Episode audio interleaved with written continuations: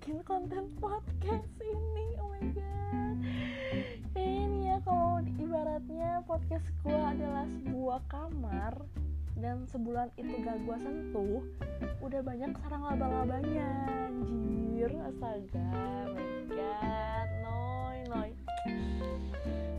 Ya jadi seperti yang tadi gue udah bilang udah sebulan lebih sehari gue nggak bikin konten podcast guys podcast guys.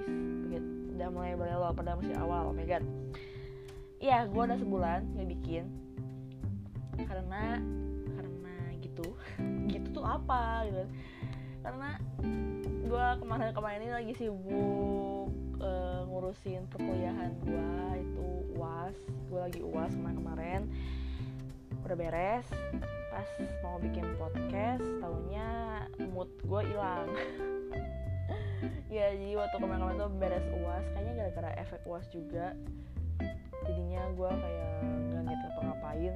Jadinya gue pengen ya gue pengen rebahan doang lah nggak pengen bikin apa-apa gitu ya. Jadi ya udah akhirnya gue kan bikin podcast.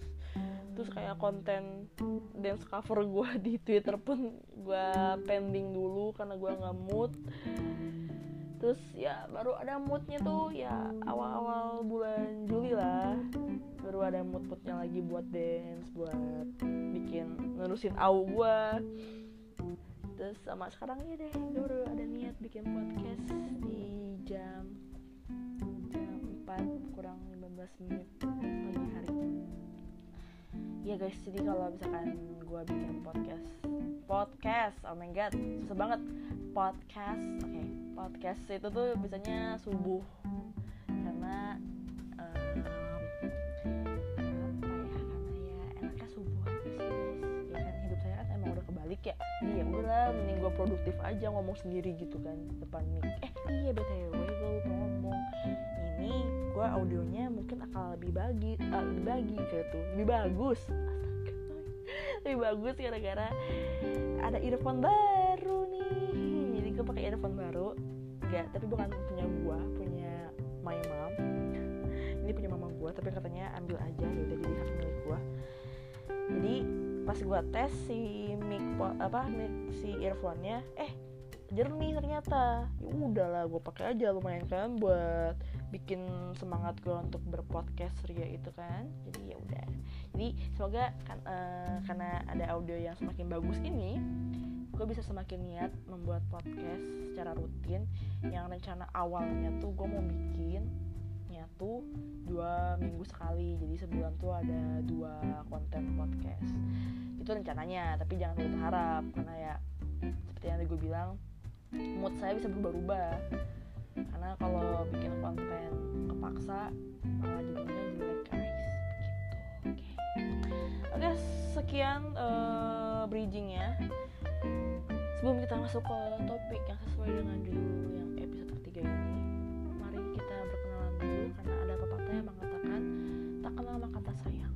Anjay makanya kita harus kenal biar makin sayang. Nanti baper oke nggak lucu halo semuanya. Yang belum kenal mari kita kenalan dulu. Nama aku Noy. Halo. Aku usia 21 tahun mau ke 22 tapi belum. Ntar 22 nya Desember. Kasih kado ya guys. Nggak bercanda.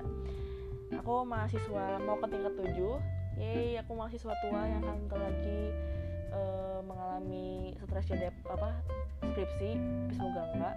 Dan doakan aku bisa lulus tepat waktu. Aku adalah K-pop fans di bis apa ya bisa dibilang aku K-pop fans veteran lah ya. Ya karena aku suka K-pop dari 12 tahun yang lalu. Ya gue suka K-pop dari 12 tahun yang lalu sampai sekarang. Jadi sudah tahu menahu tentang uh, K-popan mau itu good news or bad news itu gue udah pernah merasakan semuanya ya. Dan itu melatih mental saya juga lumayan. Tapi ya lumayan lah ada capek-capeknya juga sih. Tapi apa ya gue bilang kalau K-pop itu adalah candu kayak lagunya Alkarin. Kan kalau lagunya Alkarin yang candu atau cuma gue doang tahu? Yang tahu lah. Oke lanjut. Karena kenapa gue bisa bilang candu? Karena sekalinya kamu tuh di K-pop kamu akan selalu keluar. Keluar tapi ya 100% pasti kamu akan tak mendengarkan lagu-lagu K-pop karena lagu-lagu K-pop itu juga candu asli serius nggak bohong. Beneran ini mah. Karena aku pernah kayak merasa jenuh dengan K-pop karena gitu-gitu aja tidak ada yang memberikan gua rasa ingin tahu gitu ya. Terus gua kira gua vakum sekitar tiga tahun empat tahunan. Tapi gua masih tetap dengerin lagu-lagunya tetap masih tahu lah aja yang baru ngeluarin lagu tapi kalau kayak grup-grup yang baru debut gue tuh kurang tahu. Tapi kalau lagu-lagu yang kayak Suju, SNSD gitu-gitu ngeluarin lagu baru ya gue tetap tahu gitu kan. Nah udah tiga empat tahun itu gue vakum punya ujung-ujungnya balik lagi suka K-pop. Bahkan sekarang lebih-lebih daripada zaman dulu gitu loh terus ya udah berarti gue gue tuh kayak mikir gue tuh mengasumsikan bahwa K-pop tuh udah jalan keluar ya men. Kamu akan terperangkap di situ selama lama lama lama lamanya ya sih tapi itu tergantung pribadi sih sebenarnya. Tapi gue mengasumsikan karena gue udah pernah mengalami itu jadi gue mengasumsikan kalau K-pop itu akan susah sekali untuk keluar bakal jadi guys. Tapi K-pop walaupun dia candu gue beranggapan bahwa K-pop adalah salah satu uh, alasan mengapa gue suka dance. Dan ini ngaruh eh bukan ngaruh. Ini tuh berhubungan dengan topik yang akan gue bicarain di podcast episode ketiga ini yaitu adalah K-pop is my motivation. Anjay, bagus ya sih judulnya. Enggak ya kayak judul kayak judul clipping gitu loh. Kalian tau clipping gak sih itu kayak zaman gue SMP deh kayak udah ada clipping ah tua banget gue my god kayak lanjut. Kenapa gue bisa bilang uh, K-pop adalah salah satu alasan gue bisa suka dance? Karena seperti yang gue udah bilang sebelumnya tadi kalau gue tuh uh, suka K-pop udah lama banget 12 tahun. Berarti itu dari gue SD dan pas SD tuh gue nonton di YouTube performnya SNSD yang Oh kan tahu lagu Oh kan pasti yang Oh Oh Oh Oh Tara sarangnya ya gitu. Itu tuh gue nontonin perform mereka dengan baju cheerleader mereka itu yang lucu dan pakai pom pom itu lucu banget. Dan gue coverin dance itu. Dan tuh tuh gue SD gue hafal full. 3 menit lebih lagunya itu dance-nya gue hafal. Dan dari situ tuh gue ngerasa kayak dance itu sangat menyenangkan. Sangat menyenangkan. Padahal dulu tuh gue balet aja tuh gue nggak demen. Balet dulu tuh gue dasarnya balet tapi gue nggak demen karena mungkin gara-gara dia gemulai kali ya. Sekarang kan gue cewek barbar gitu terus pas dikasih lihat nggak pasti lihat gue yang nonton sendiri sih gue yang cari sendiri performa mereka di YouTube. Beserta waktu itu YouTube tuh belum uh, sejenis sekarang masih burem-burem kayak paling tinggi tuh cuma 300 nggak 480 bahkan. Jadi masih agak burem-burem gitu. Dan dulu tuh internet belum secepat sekarang dan seluas sekarang. Gue nonton lah performnya SNSD yang oh lucu ya gerakannya. Terus kayak sepertinya uh, kalau gue ikutin kayaknya gue bisa deh. Gue waktu itu mikirnya kayak gitu dan dan ternyata gue bisa. Gue ikutin. Terus kayak gue merasa ini menyenangkan.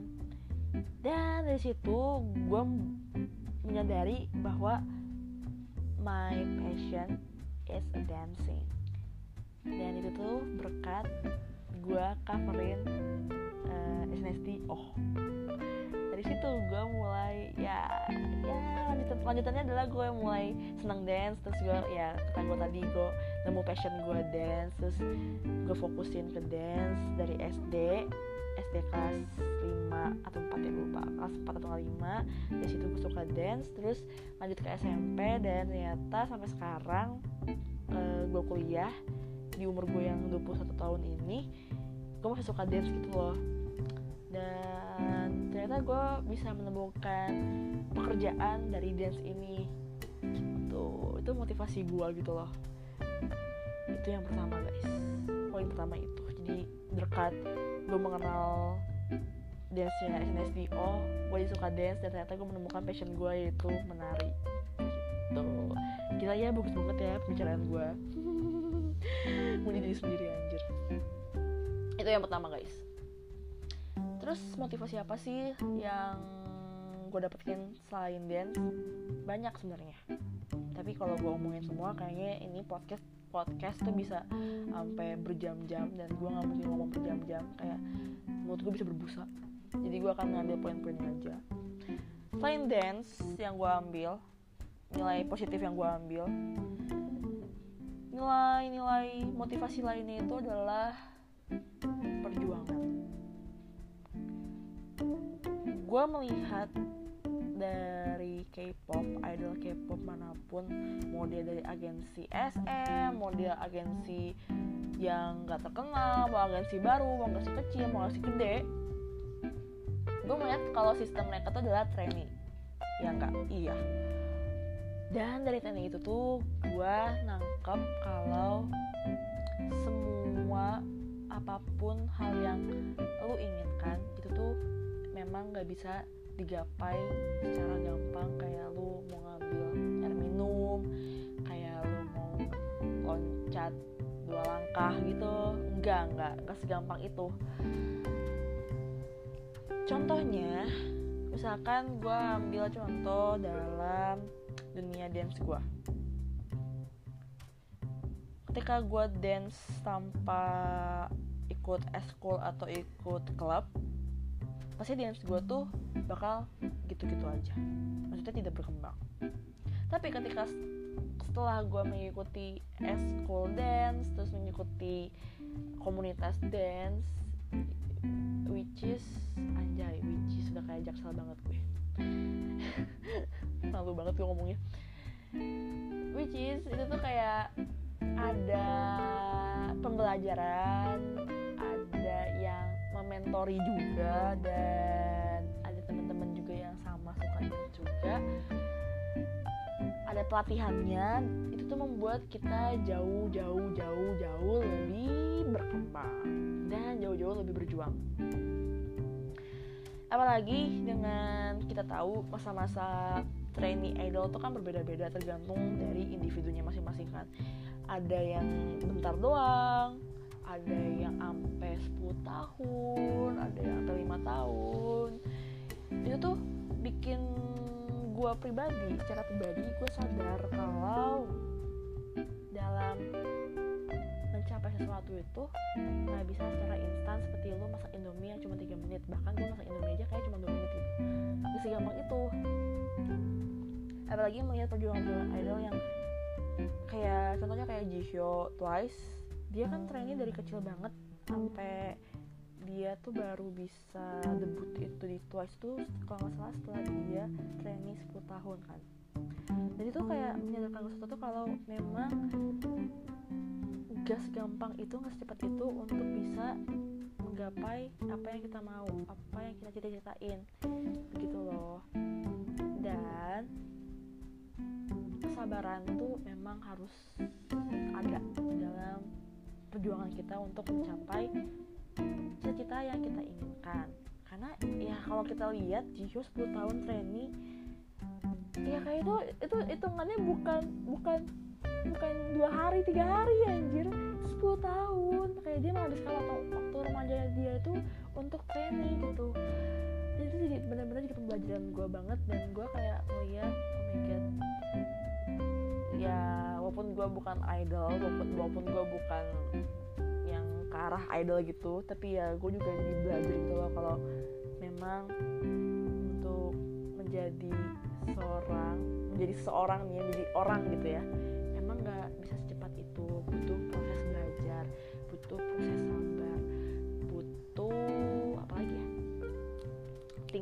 ting ting ting ya pokoknya itu aja dua itu ya.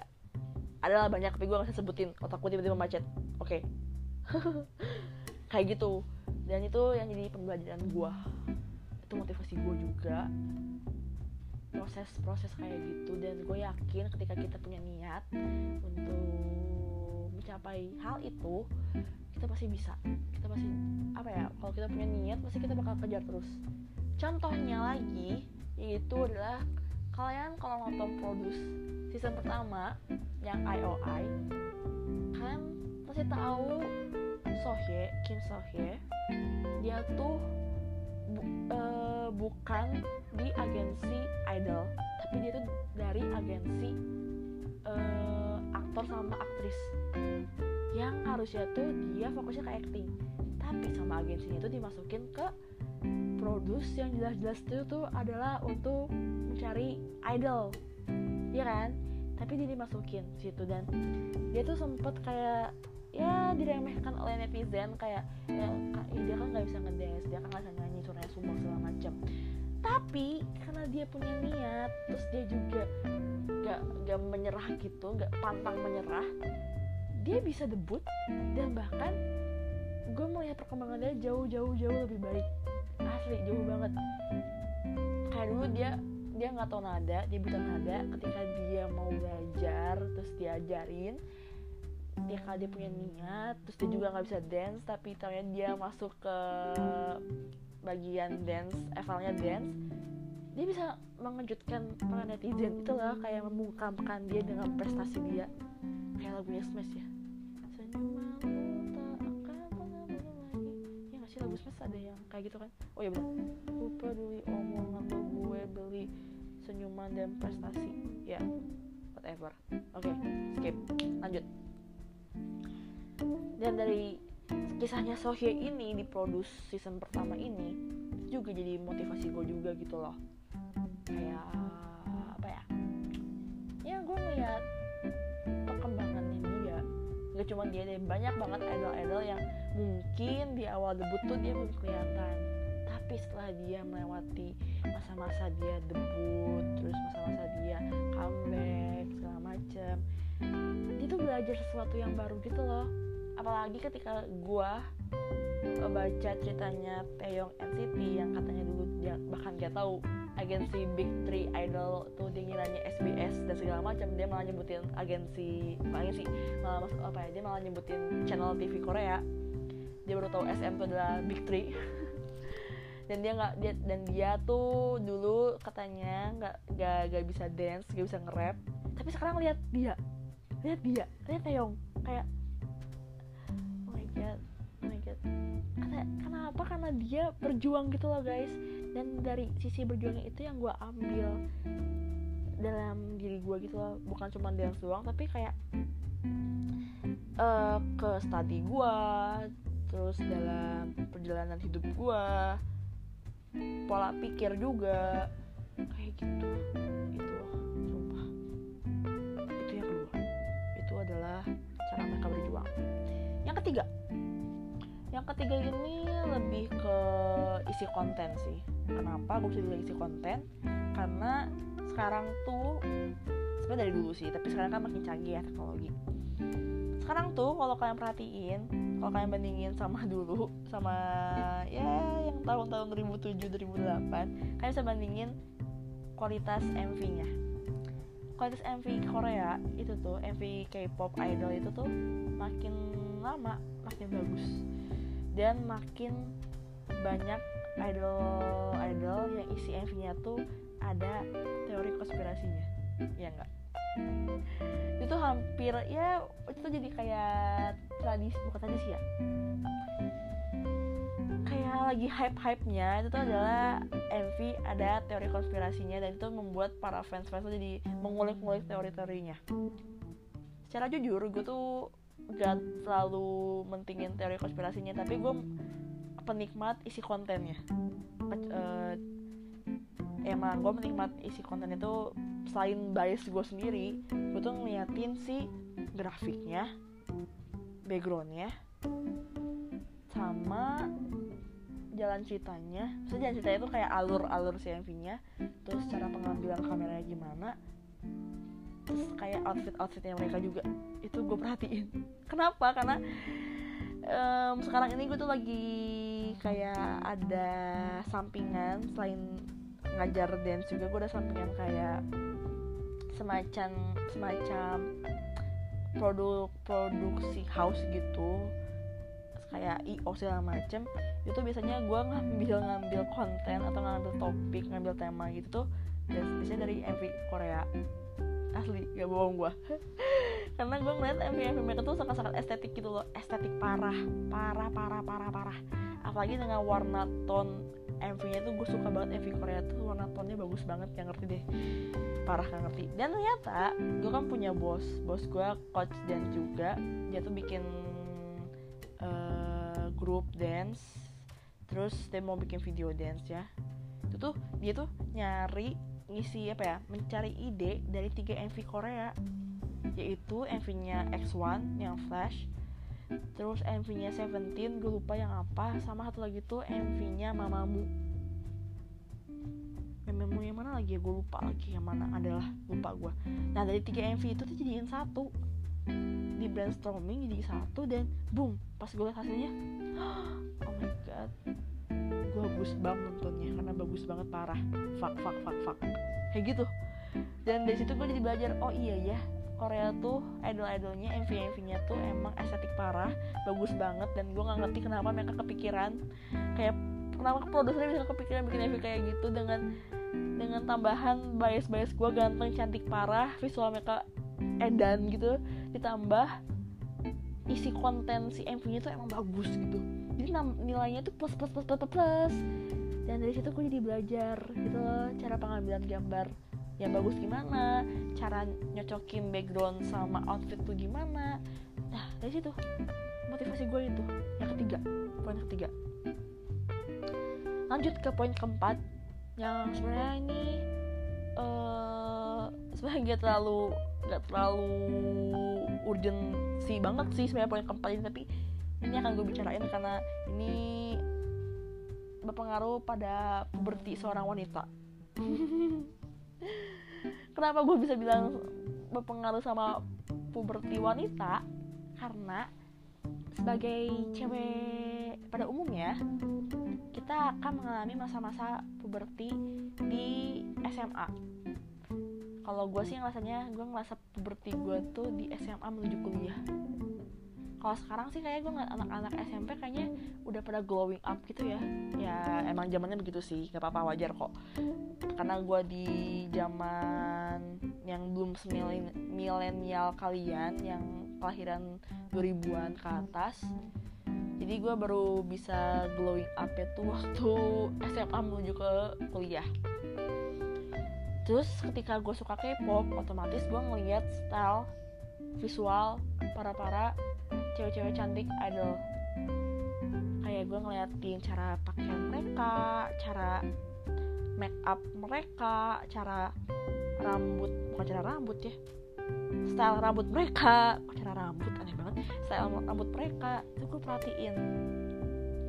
Apalagi dengan body goalsnya mereka. Walaupun gue pribadi gue lebih suka body goalsnya bule sih karena lebih berbentuk. Tapi ya karena Asia you know lah Asia kayak gimana standar beautynya yang tinggi banget padahal menurut gue kayak nggak relate. Ini pribadi gue ya ini uh, pendapat pribadi gue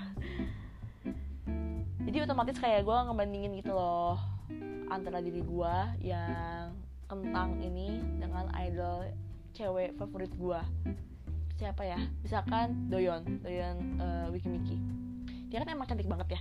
Parah cantiknya cantiknya parah parah parah parah. Terus gue kayak ngeliat kayak oh my god dia cantik banget ya gini gini gini, gini. mungkin jatuhnya terkesannya kayak gue tuh ngebandingin diri gue dengan orang lain yang emang sebenarnya gak usah dibandingin gitu. Tapi gue tuh bukan ngambil sisi negatifnya insecure itu. Tapi yang gue ambil adalah gue bisa nih kayak begini dengan cara ya cara gue sendiri. Tapi gue ngeliat referensi dari idol cewek kesukaan gue kayak gitu. Misalkan kayak kayak style berpakaian mereka tuh kurang lebih gue ikutin style style street style street yang Korea idol tuh kayak Ulzang Ulzang kata tau Ulzang gak sih? Tau lah ya Ulzang itu tuh gue ikutin kayak di Pinterest gue tuh cari outfit outfit mereka OOTD mereka dan gue ikutin. Dan akhirnya gue nemu senyamannya itu loh. Oh nyaman gue tuh gue gayanya emang agak tomboy tomboy nggak terlalu feminim. Dan gue nemu gitu loh gue nemu nemu nemu. Terus ya gue jadiin motivasi untuk gue bisa jauh lebih baik dalam hal puberti mungkin yang puberti ini emang gak terlalu relate yang gimana banget sih nggak kayak poin 1, 2, 3 yang tadi. Cuman ini kayak ya tambahan lah. Kenapa gue bisa bilang uh, K-pop is my motivation? Karena ya itu dari style mereka dari cara-cara mereka merawat diri yang katanya mereka oplas nggak kok mereka itu ada yang namanya skincare main oke? Okay? kayak udah gak zaman ya ngomongin K-pop idol oplas kayak udah zaman banget anjir. Itu namanya puberty goals. Ada yang namanya emang ada waktunya puberty gitu loh. Contoh contoh lainnya adalah Umji. Umji Umji G friend. Dulu tuh dia tuh nggak pede kan gara-gara katanya itu jelek segala macam padahal enggak loh. Aneh deh gue suka bingung deh sama orang yang suka hujat dia jelek. Kayak apa sih? Mengkategorikannya secara kotak gitu loh. Dikotakan begitu saja. Jahat banget omongan orang astagfirullah terus sekarang-kadang lihat Umji dia glowing up ya kayak gimana? Oh my god gue bahkan cewek aja naksir banget sama Umji karena dia cantik banget cantik itu pretty anggun gitu loh.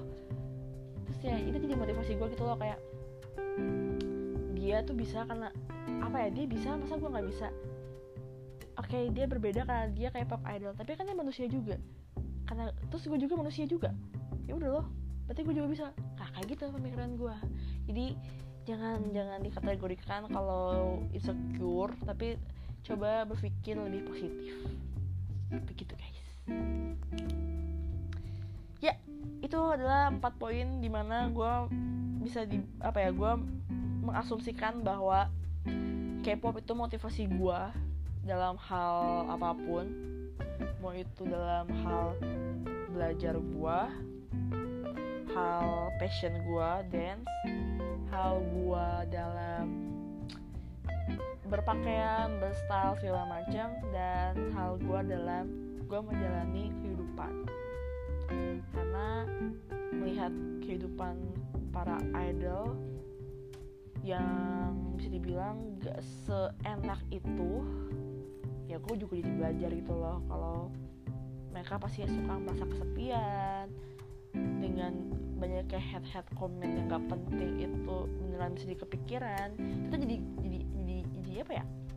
Pembelajaran juga gitu loh. Apalagi aku jadi jadi ketika tahu kalau head comment yang sebatas di media sosial tuh bisa bikin sakit hati yang sakit sakit hatinya gue jadi belajar kalau ya lo harus respect sama semua orang mau itu dia emang ngelakuin kesalahan asalkan dia memang tahu kesalahannya apa ya kita hormatin dia. Jangan dijudge yang berlebihan gitu loh. Begitu guys. Ya itulah empat poin tadi yang sudah gue sebutkan. Kalau menurut kalian kalian merasa K-pop itu motivasi kalian atau enggak sih? Kalau seperti yang tadi gue omongin selama berapa menit ya? Coba kita cek gue ngomong berapa menit? 28 menit loh. Pada saat gue haus kalau menurut kalian gimana? Kalau menurut kalau menurut kalian K-pop is motivation motivasi apa sih yang kalian ambil dari K-pop itu? Kalau gue tuh empat tadi yang sebenarnya harusnya banyak tapi kayaknya ini aja empat gue udah ngomongnya setengah jam. Gimana nanti kalau gue ngomongnya semua udah kayak 3 SKS kuliah satu SKS 45 menit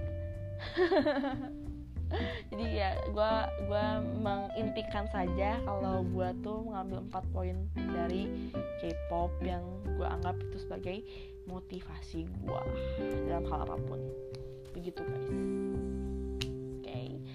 coba kalau dalam kalian isi secret gue kayak apa ya kayak bilang cerita lah storytelling kayak ya kak aku suka K-pop tuh motivasi aku karena dia motivasi aku karena mereka tuh gini gini gini gini. Coba dong cerita-cerita karena gue pengen tahu dari sisi pendengar gue apakah kalian juga menganggap K-pop is my motivation or not?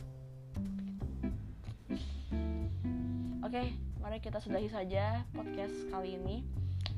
Uh, btw gue mau minta maaf kalau misalkan isinya tidak berbobot kayak membuang-buang waktu-waktu kalian selama setengah jam ini untuk mendengarkan uh, curhatan storytelling gua. Maaf ya guys dan maaf ya kalau keterkesannya kayak awkward karena asli ini awkward banget. Gue udah lama gak ngomong di podcast kayak awkward banget. Aneh gitu rasanya aneh. Jadi mohon maaf ya kalau sedikit awkward.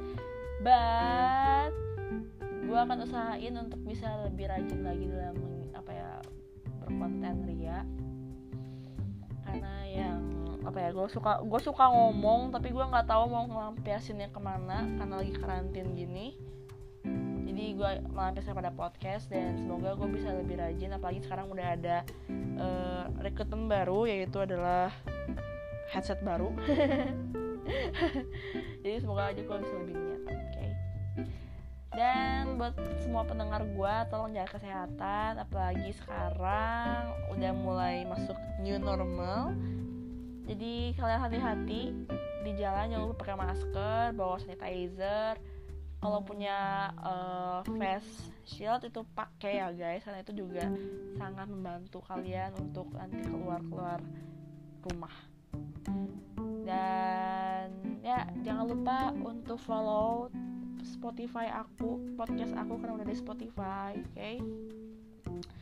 bye bye guys see you next episode kalau kalian mau ngasih saran kritik segala macam isi di situ aku situ aku linknya ada di bio twitter aku at ini 907 oke okay?